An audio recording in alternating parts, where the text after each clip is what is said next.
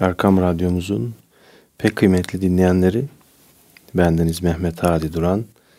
İlahi Nefesler programımıza hoş geldiniz, sefalar getirdiniz efendim. Efendim bu akşamki programımızda Talha Uğurlu Er'in Asr-ı Saadet'ten Osmanlı'ya Sarayın Kutsalları isimli kitabından yine bazı anekdotlar sizlere aktarmaya gayret edeceğim. Bu arada yine birbirinden güzel ilahilerle sizlerle birlikte olacağız efendim. Yine her zaman olduğu gibi programımıza güzel bir ilahiyle başlamak istiyoruz. Hak yoluna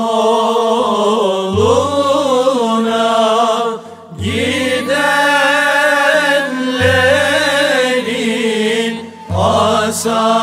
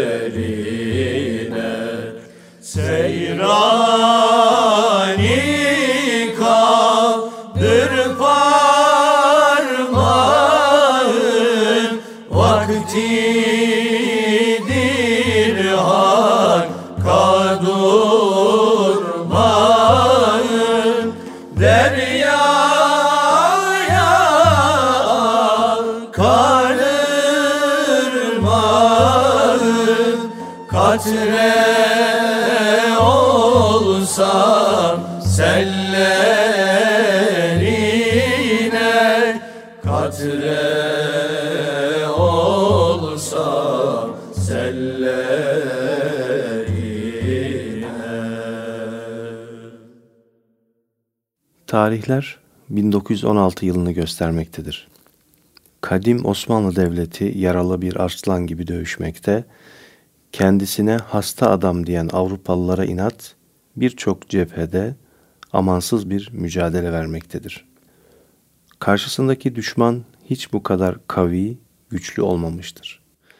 Yedi düvel denilen bu amansız kuvvet, Galicia'dan Filistin'e, Kafkaslardan Çanakkale'ye, Osmanlı'nın dört bir yanından saldırmakta, yeryüzünde İslam'ın bu son hamisi Gazi Devleti ortadan kaldırmaya çalışmaktaydı.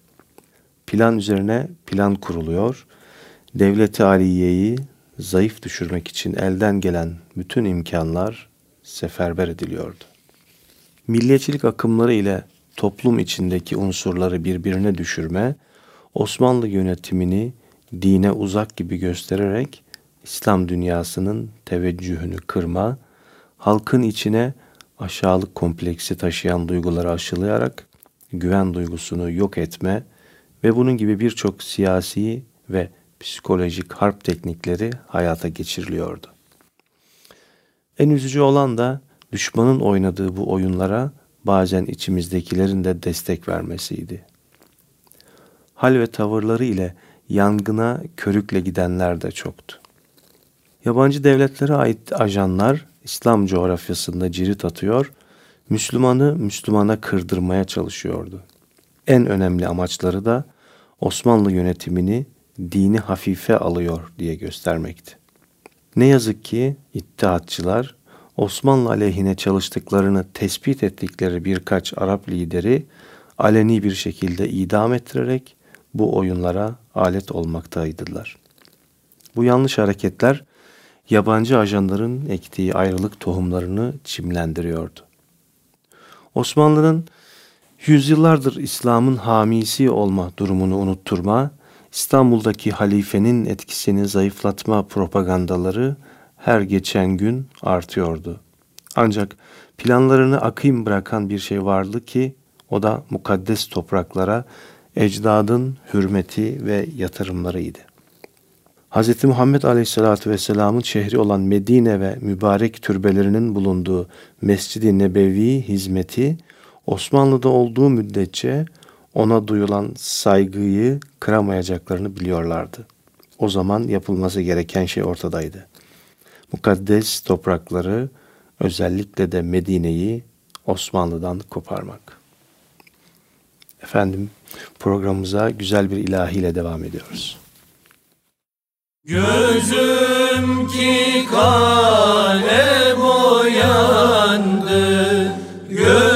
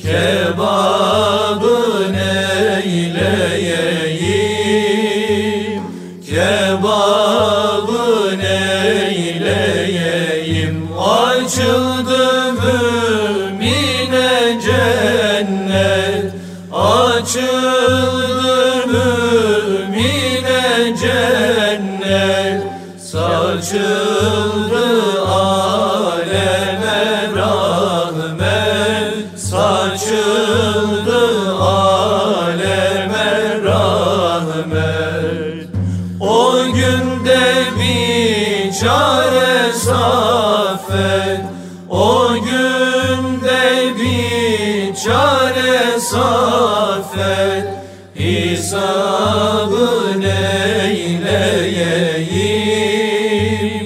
Hesabı neyleyeyim?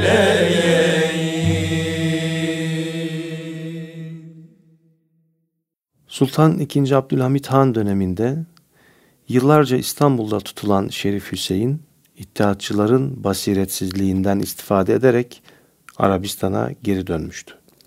Bu fırsatı kaçırmayan İngiliz generali Kitchener, Şerif Hüseyin ile Osmanlı'ya karşı bir anlaşma yapmıştı.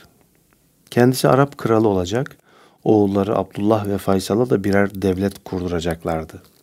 Verecekleri destek karşısında istedikleri şeylerin başında Medine'nin Osmanlı'dan koparılması geliyordu.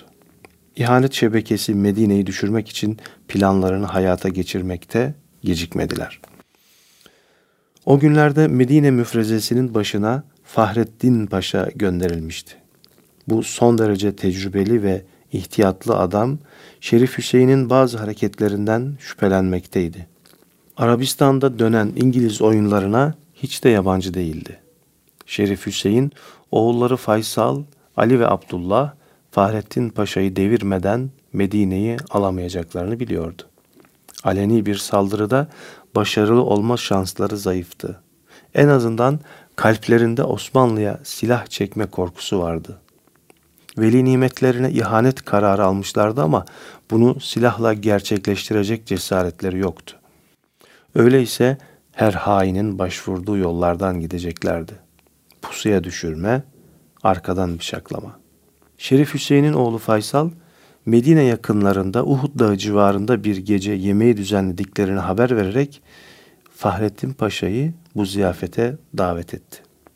Amaçları burada kendisini pusuya düşürüp hunharca katletmekti. Fahrettin Paşa ise bu oyuna gelecek acemilerden değildi. Onların anlayacağı dilden cevap verdi. Daveti reddetmedi ama Medine Birliği'nin başında bıraktığı en sadık adamı ile en küçük bir operasyonda başlarına gelecekleri onlara aşikar etmesini bildi. Bu şekilde olmayacaktı. Fahrettin Paşa'yı ucuz planlarla devirmek zordu. O zaman İngilizlerin verdikleri destek ile birlikte askeri güce başvurmalıydılar. Hızla asker toplamaya başladılar. İngiliz altınları ile çöl bedevilerini silah altına alıyorlardı. Fahreddin Paşa aldığı istihbarat ile Medine'yi zor günlerin beklediğini fark etmişti. Onu kaygılandıran bazı şeyler vardı. Ya kainatın efendisinin şehrini müdafaa edemezlerse? Ya düşman bu mübarek beldeye girip yağma yaparsa? Hele Mescid-i Nebevi ve Hazreti Peygamber'in türbeleri düşündükçe hafakanlar basıyordu. Bir şeyler yapmalıydı. Şerif Hüseyin'in adamları para ile satın alınmış, dini duygulardan yoksun çapulculardı. Zaten ağ babaları İngilizlerden mukaddesata saygı beklemek gülünç olurdu. Bu topraklarda İngiliz casusları yıllarca namazlarda imamlık bile yapmamışlar mıydı? Dine, diyanete saygısız bu güruh Allah korusun Medine'ye girerse ne olurdu? Şehir nasıl bir yağma yaşardı? Ya Hazreti Peygamber'in mübarek huzurları, kainatın efendisinin türbelerinin içerisinde yağmacıların hayallerini aşan hediyeler vardı. Yüzyıllar boyunca nice devlet başkanı, sultan ve kumandan buraya son derece kıymetli hediyeler göndermiş, o büyük makamdan şefaat ummuştu. Medine'ye yönelik bir düşman saldırısında yağma kaçınılmazdı. Hele çöl bedevilerinin bir kısmının Vehhabi olduğu türbe ve ölüye ait başta kabir olmak üzere bu tarz emanetlere düşmanlıkları düşünüldüğünde Efendimizin türbe emanetlerinin korunması daha büyük bir önem arz ediyordu. Efendim programımıza yine güzel bir eserle devam ediyoruz. Yar ile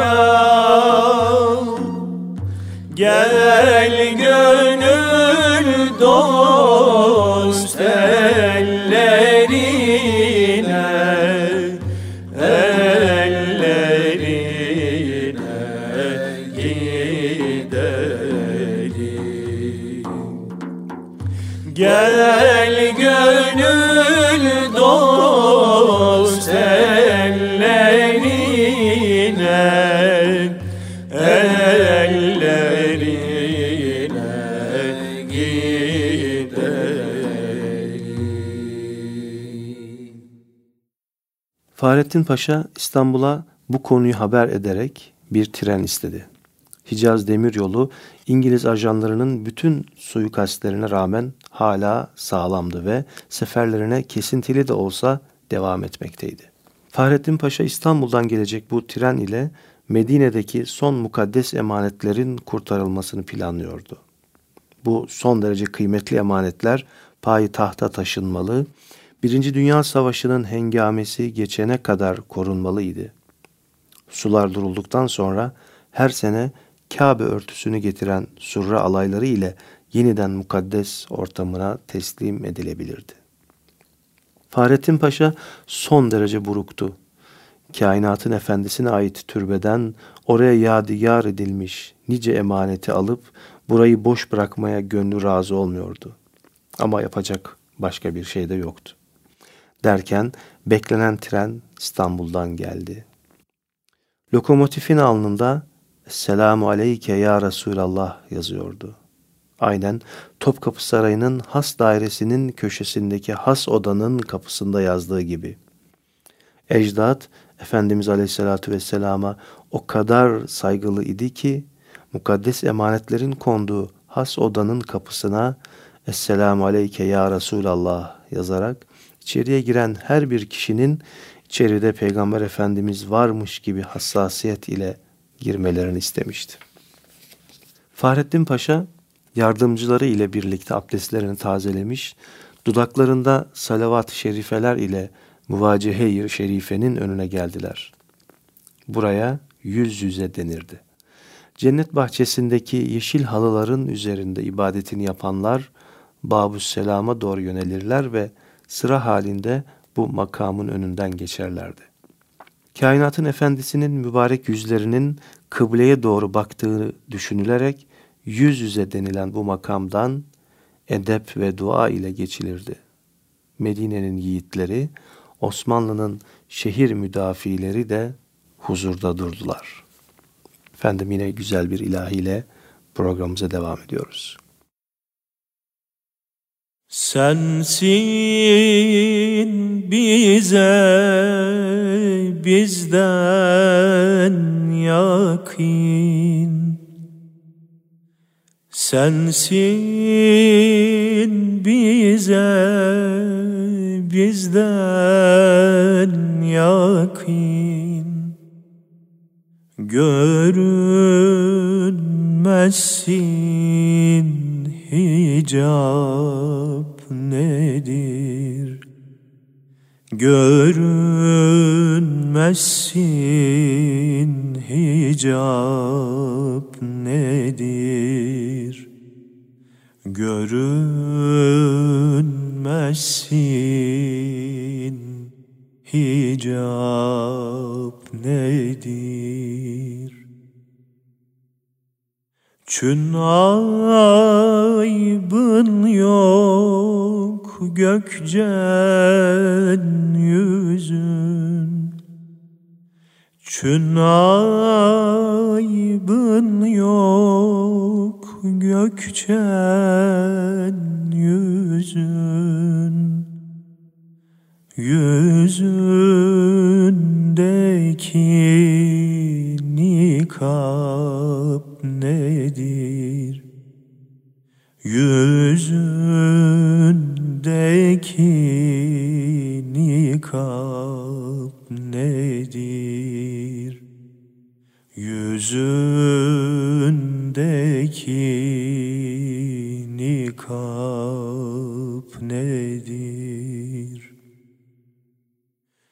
Yunus bu göz anı görmez. Yunus bu göz anı görmez. Görenler hod haber vermez. Görenler hod haber vermez. Görenler hod haber vermez. Bu menzile akıl ermez Bu menzile akıl ermez Bu kurduğun serap nedir? Bu kurduğun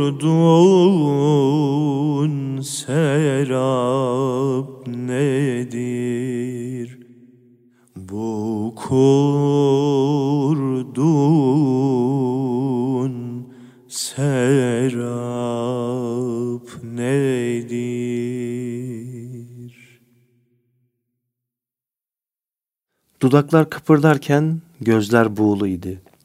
Hücre-i Saadet'in kutlu bekçileri yanlarındaydı. Onlar Osmanlı'nın siyah incileriydi. Yıllarca Topkapı Sarayı hareminde vazife yapan, hatta harem ağalığına kadar yükselen bu kişiler ilerleyen yaşlarında Medine'de Hazreti Peygamber'e türbedarlık yapmak üzere mukaddes topraklara gönderilirlerdi. Gözleri gibi bakarlardı bu mekanlara. Temizlik sırasında bu kutlu ortamın ne tozunu ne de süprüntüsünü zayi ederlerdi. Kimselerin giremediği bu mübarek ortama rahatlıkla girebilirlerdi. Duanın ardından zenci ağalardan biri belindeki anahtar öbeğine uzandı. Aralarından seçtiği en heybetli anahtarı hücre-i saadetin küçük kapısının anahtar haznesine yerleştirdi ve çevirdi. Açılan kapıdan içeriye önce kara ağalar, sonra da Osmanlı kumandanları tek tek girdiler. Dudaklardan taşan salat ümmiyeler etrafı dolduruyordu. Genelde altın şebekelerin dışında kalınır, sadece şebekelerin ardındaki perdeler ancak görülebilirdi. Bu kez durum farklıydı. Perdenin de arkasına geçeceklerdi. Burada içeriye girilemeyen bir sanduka odası ile onun hemen yanında ikinci bir mekan vardı. Hücre-i saadete hediye edilen emanetler burada muhafaza edilirdi. Osmanlı'nın İstanbul'dan gönderdiği dev Kur'an-ı Kerimlerden Necef, Gülabdanlara nice emanet öylece duruyordu. Sultan 3. Mustafa'nın gönderdiği 38 inci dizili püskülü ile yumruk büyüklüğündeki murassa zümrüt askı göz kamaştırıyordu. Hele aralarında bir tanesi vardı ki her şeyiyle tam bir şaheserdi. Paha biçilemez derdeki bu şey iki adet Şamdan'dan başka bir şey değildi. Sultan Abdülmecit Han tarafından hücre-i saadete hediye gönderilen bu Şamdanlar som altından imal edilmiş olup üzerlerinde Kur'an-ı Kerim'deki ayet sayısınca elmas taşımaktaydılar. Bu şamdanlar kainatın efendisinin mübarek sandukalarının baş ve ayak uçlarında duracak ve Abdülmecit Han bu yakınlık vesilesiyle o mübarek huzurdan şefaat umacaktı. Fahreddin Paşa'nın yanındakiler tek tek emanetleri dışarı taşıdılar. Bir gün yeniden buraya getirmeye niyet ve duyguları ile edeple girdikleri türbeden başları yerde çıktılar. Efendim yine güzel bir ilahiyle programımıza devam ediyoruz. Huzurunda bel bağladım, hazin hazin hep ağladım. Huzurunda bel bağladım, hazin hazin hep ağladım. Şefaattir tek muradım, şefaat ya Resulallah. Eller semaya açıldı, gönüllere nur saçıldı, günahlardan kaçıldı. Şefaat ya Resulallah, eller semaya açıldı, gönüllere nur saçıldı günahlardan kaçıldı. Şefaat ya Resulallah akar gözden dinmez yaşım Döner durur her an başım Akar gözden dinmez yaşım. Döner durur her an başım Şefaattir pür telaşım. Şefaat ya Resulallah Eller semaya açıldı Gönüllere nur saçıldı Günahlardan kaçıldı Şefaat ya Resulallah Eller semaya açıldı. Gönüllere nur saçıldı. Günahlardan kaçıldı.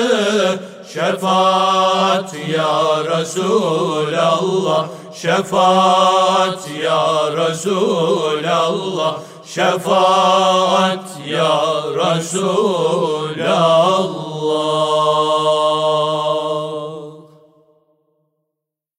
Gözler artık yüreklerdeki hüznü dışarıya yağmur gibi akıtmaktaydı. Bu kutsal emanetler tek tek paketlendi ve İstanbul'a hareket edecek trene yerleştirildi. Osmanlı'nın son Medine yiğitleri son emanetleri kurtarmaktaydılar. Efendimizin türbelerinden bu son emanetleri alan Osmanlı askerleri burayı boş bırakmayacaklardı. Buralardan giderken o mübarek huzura öyle bir şey bırakacaklardı ki bu ibret levhası yüzyıllarca bir ders olarak anlatıla gelecekti. Düşmanın Medine kuşatması başlayalı neredeyse üç yıl olmuştu. Fahrettin Paşa'nın bileğini bükmek, Medine'ye girmek mümkün olmamıştı. Düşman sinsi planlarından bir başkasını devreye sokacaktı. İstanbul'dan içimizden dönme bir paşa Medine'ye getirilecek ve bu satılmış adamın ağzı ile askerimizin içine fitne tohumları ekilecekti. Fahrettin Paşa'nın şehre girmesine izin verdiği bu kişi içeriye nüfuz eder etmez her bir askerimize Mondros mütarekesi imzalandı. Barış yapıldı. Ordularımız terhis oluyor. Ne işiniz var bu Arap topraklarında? Anne babanız, eşiniz, çocuklarınız bekler diyor. Bir an önce Medine'yi terk etmeleri için onları teşvik ediyordu. Efendim yine güzel bir ilahiyle programımıza devam ediyoruz. Ol cihanın fahrinin sırrına kurban olayım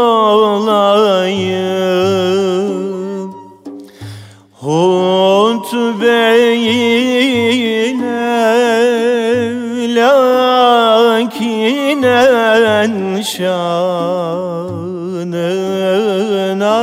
kurban olayım. Kabe Kavseyni evdena Sına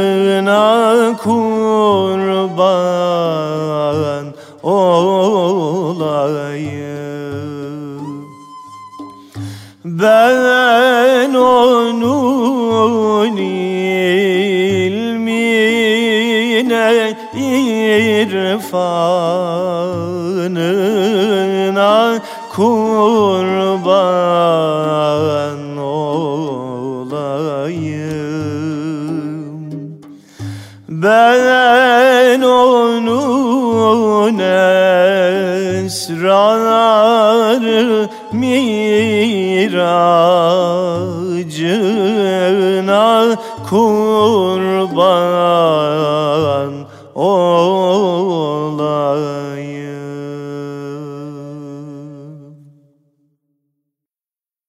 Bu kirli propagandaya bazı Osmanlı askerleri karşı çıkıyor. Sen nasıl konuşuyorsun? Fahrettin Paşa ile biz burayı müdafaa ediyoruz ve ayrılmayacağız diyorlardı. Ancak bu İngiliz uşağının onlara da cevabı hazırdı. Fahrettin Paşa'nın niyeti burada kral olmak. Varsın kendi başına olsun. Sizin derdiniz ne? Eşiniz, çocuklarınız beklemiyor mu? Bir kısım Osmanlı askeri kulak asmasa da büyük bir çoğunluk bu sözlere kulak vermeye başlamıştı. Derken Fahrettin Paşa'nın etrafında kendisine güvenen bir avuç askeri kaldı. Naci Kıcıman hatıralarında bu son günleri gözyaşlarıyla anlatmaktadır. Çevresindeki halkanın her geçen gün biraz daha dağıldığını gören Fahrettin Paşa, çareyi Peygamber Efendimizin türbesine sığınmakta bulur.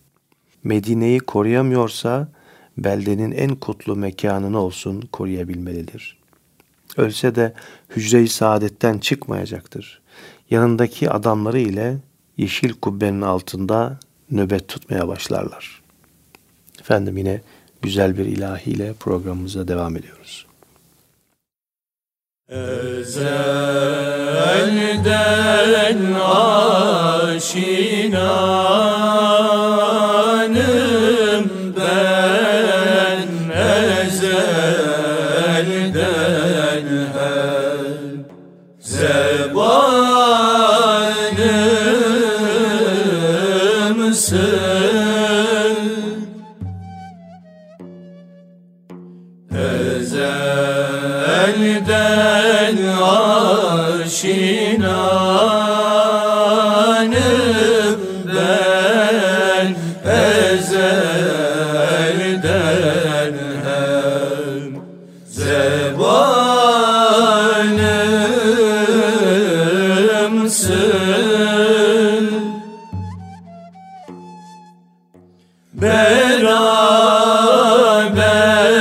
Oh.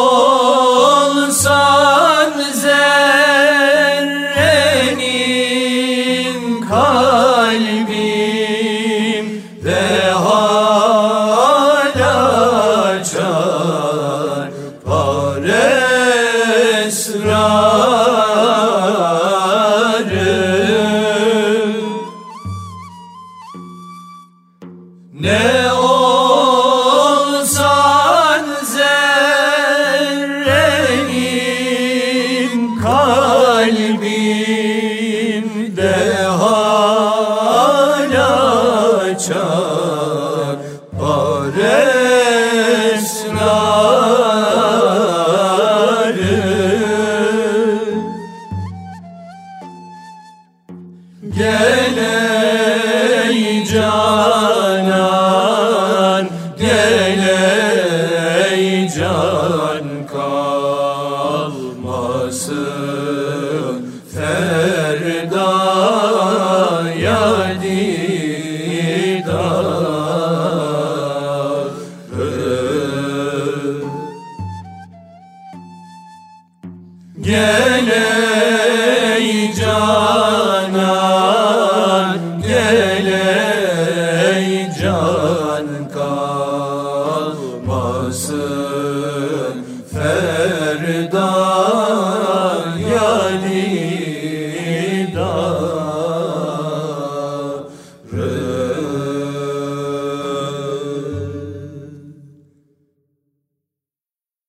Günler geçer, Medine garnizonu fitnenin eline geçmiştir ama hiç kimse hücre-i saadete girip Fahrettin Paşa'yı teslim almaya cesaret edememektedir.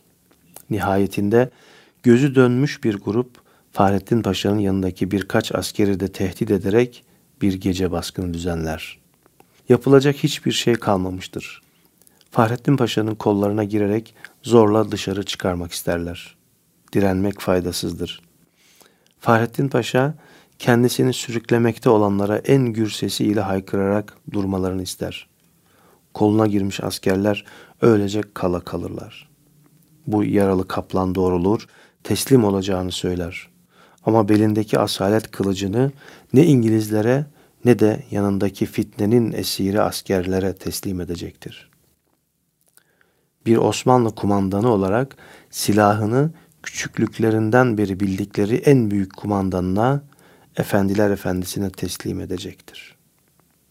Yüzyıllardır Mehmetçik, Küçük Muhammed denilmemiş midir Osmanlı askerine?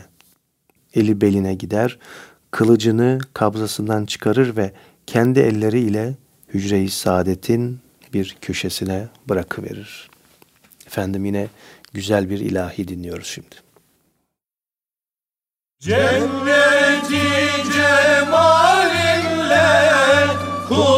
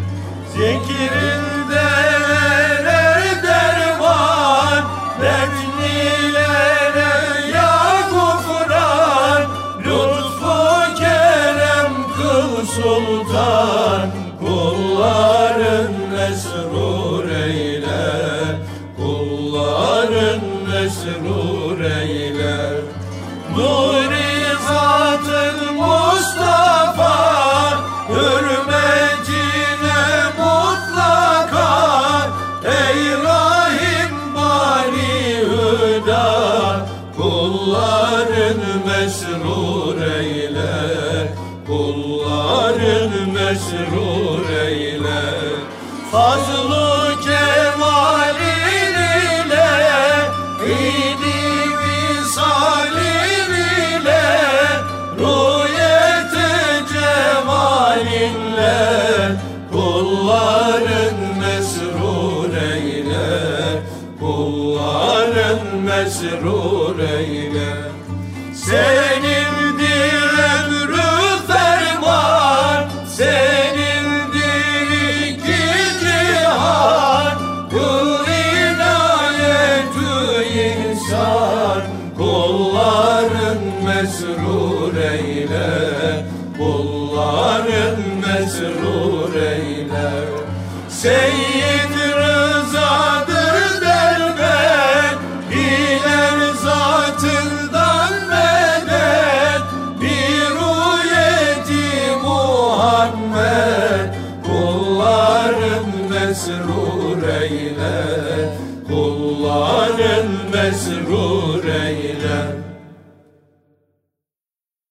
Osmanlı'nın son Medine müdafisinin kılıcı madden olmasa da manası ile hala orada durmaktadır.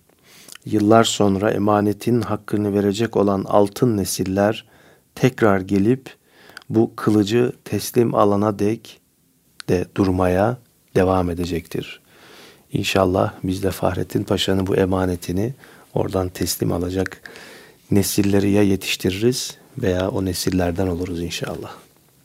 Efendim programımıza yine güzel bir ilahiyle devam ediyoruz.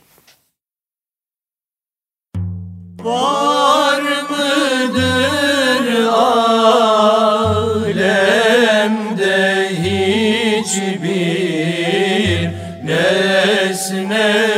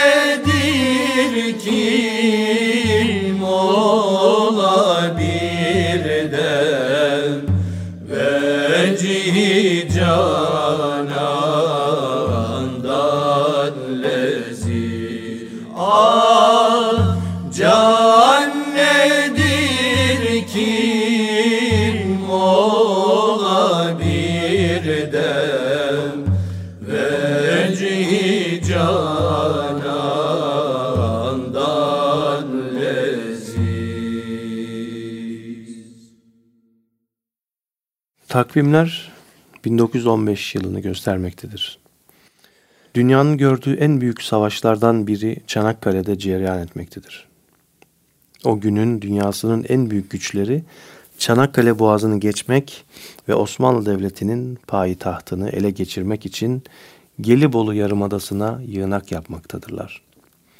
Çarpışmalar o kadar büyük boyuttadır ki bir günde 8, 10 hatta 15 bin kişinin kaybı söz konusu olmaktadır.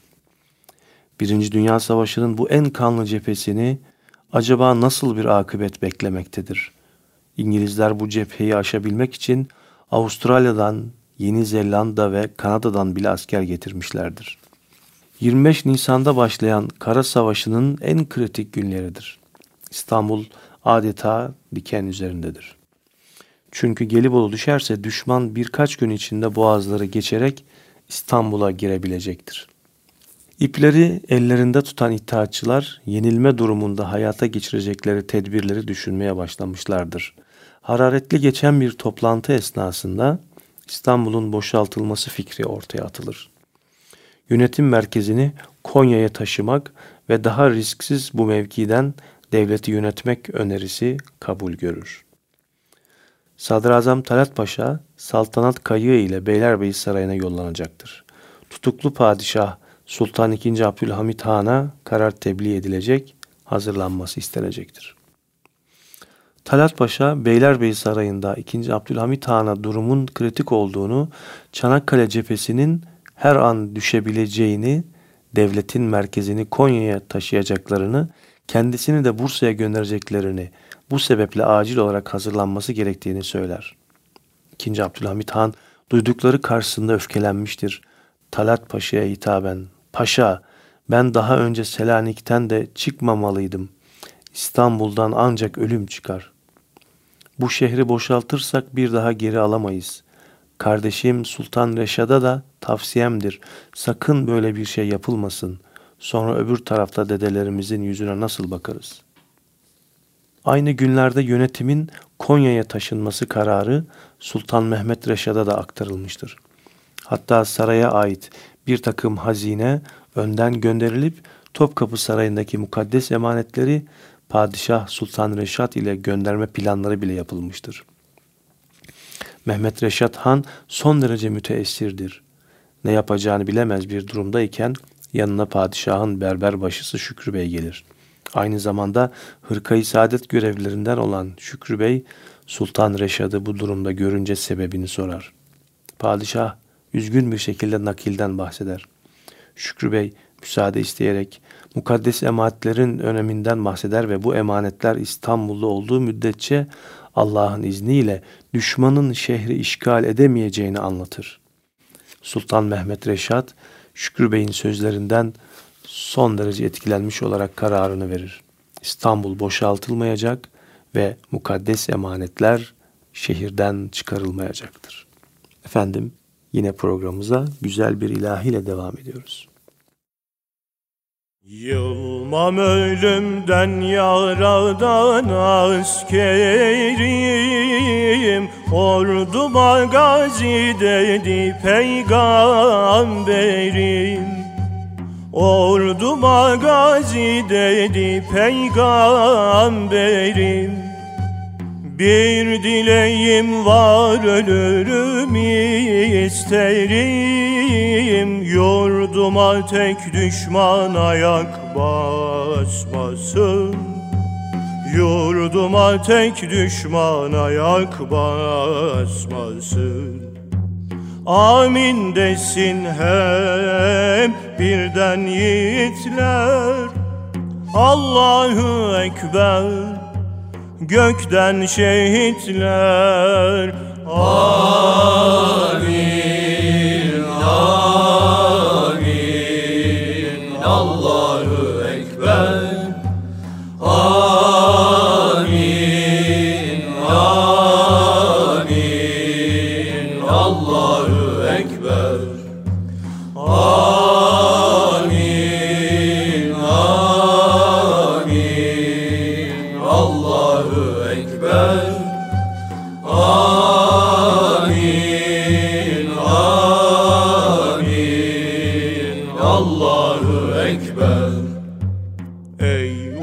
Peygamberimiz neredesin?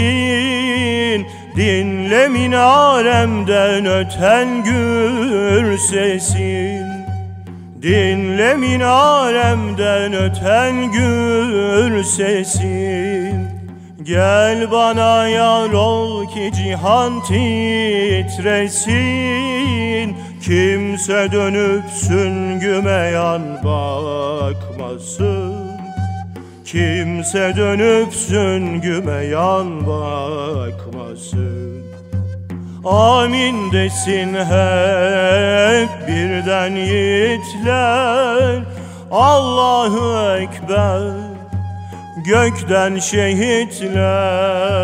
Amin, amin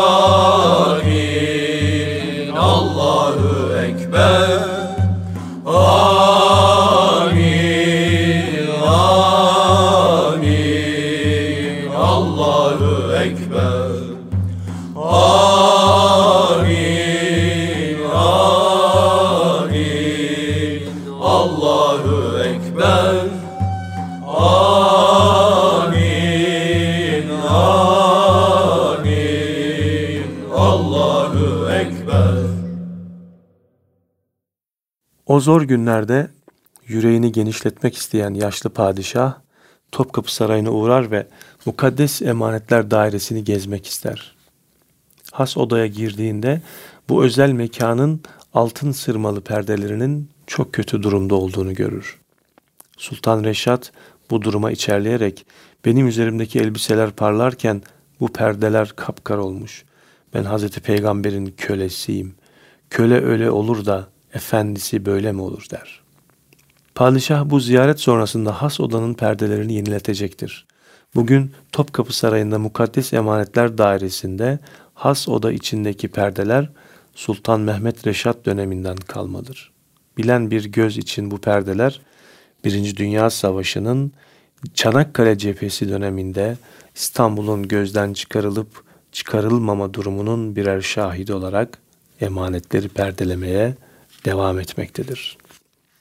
Efendim Çanakkale zaferimizin de 100. yılı münasebetiyle yine aziz şehitlerimizin de bütün ruhları için ve bütün geçmişleri için birer Fatiha sizden istirham ediyoruz ve programımıza güzel bir ilahiyle son veriyoruz efendim. Allah'a emanet olun.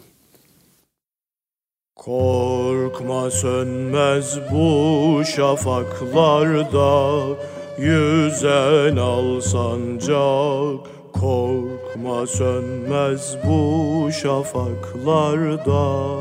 Yüzen al sancak Sönmeden yurdumun üstünde Tütenen son ocak. Sönmeden yurdumun üstünde Tütenen son ocak O benim milletimin yıldızıdır parlayacak.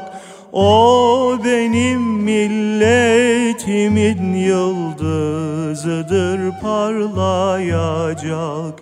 O benimdir, o benim milletimindir ancak O benimdir, o benim milletimindir ancak Çatma kurban olayım çehreni ey nazlı hilal.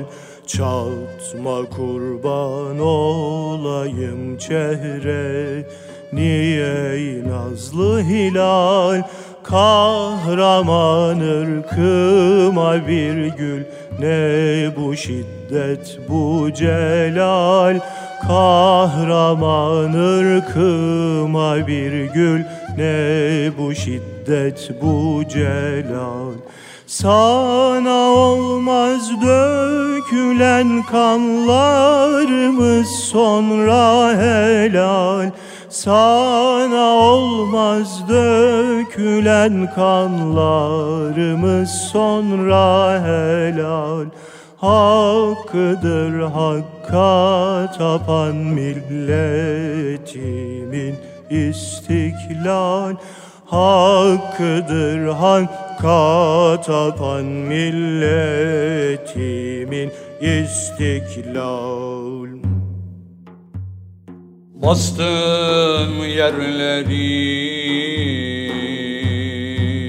Toprak diyerek geçme talih Düşün altında binlerce kefensiz yatanı Sen şehit olmuşsun incitme yazıktır atanı. Verme dünyaları alsan da bu cennet vatanı.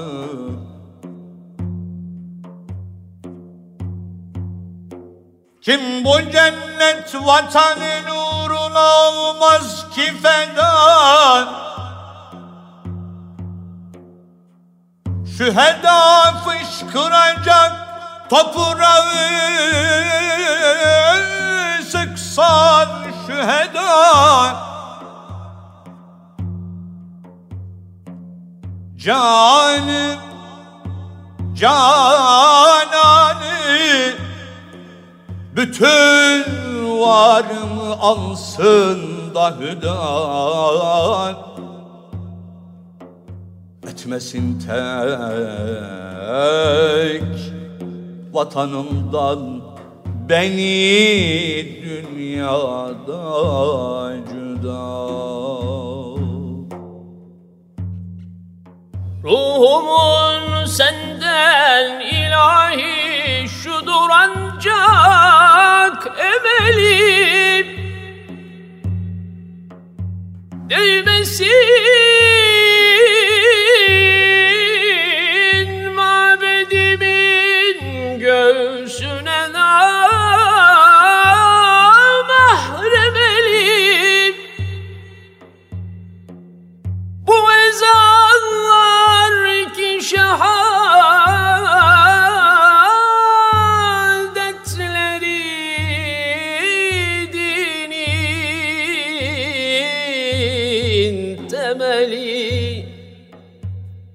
Ebedi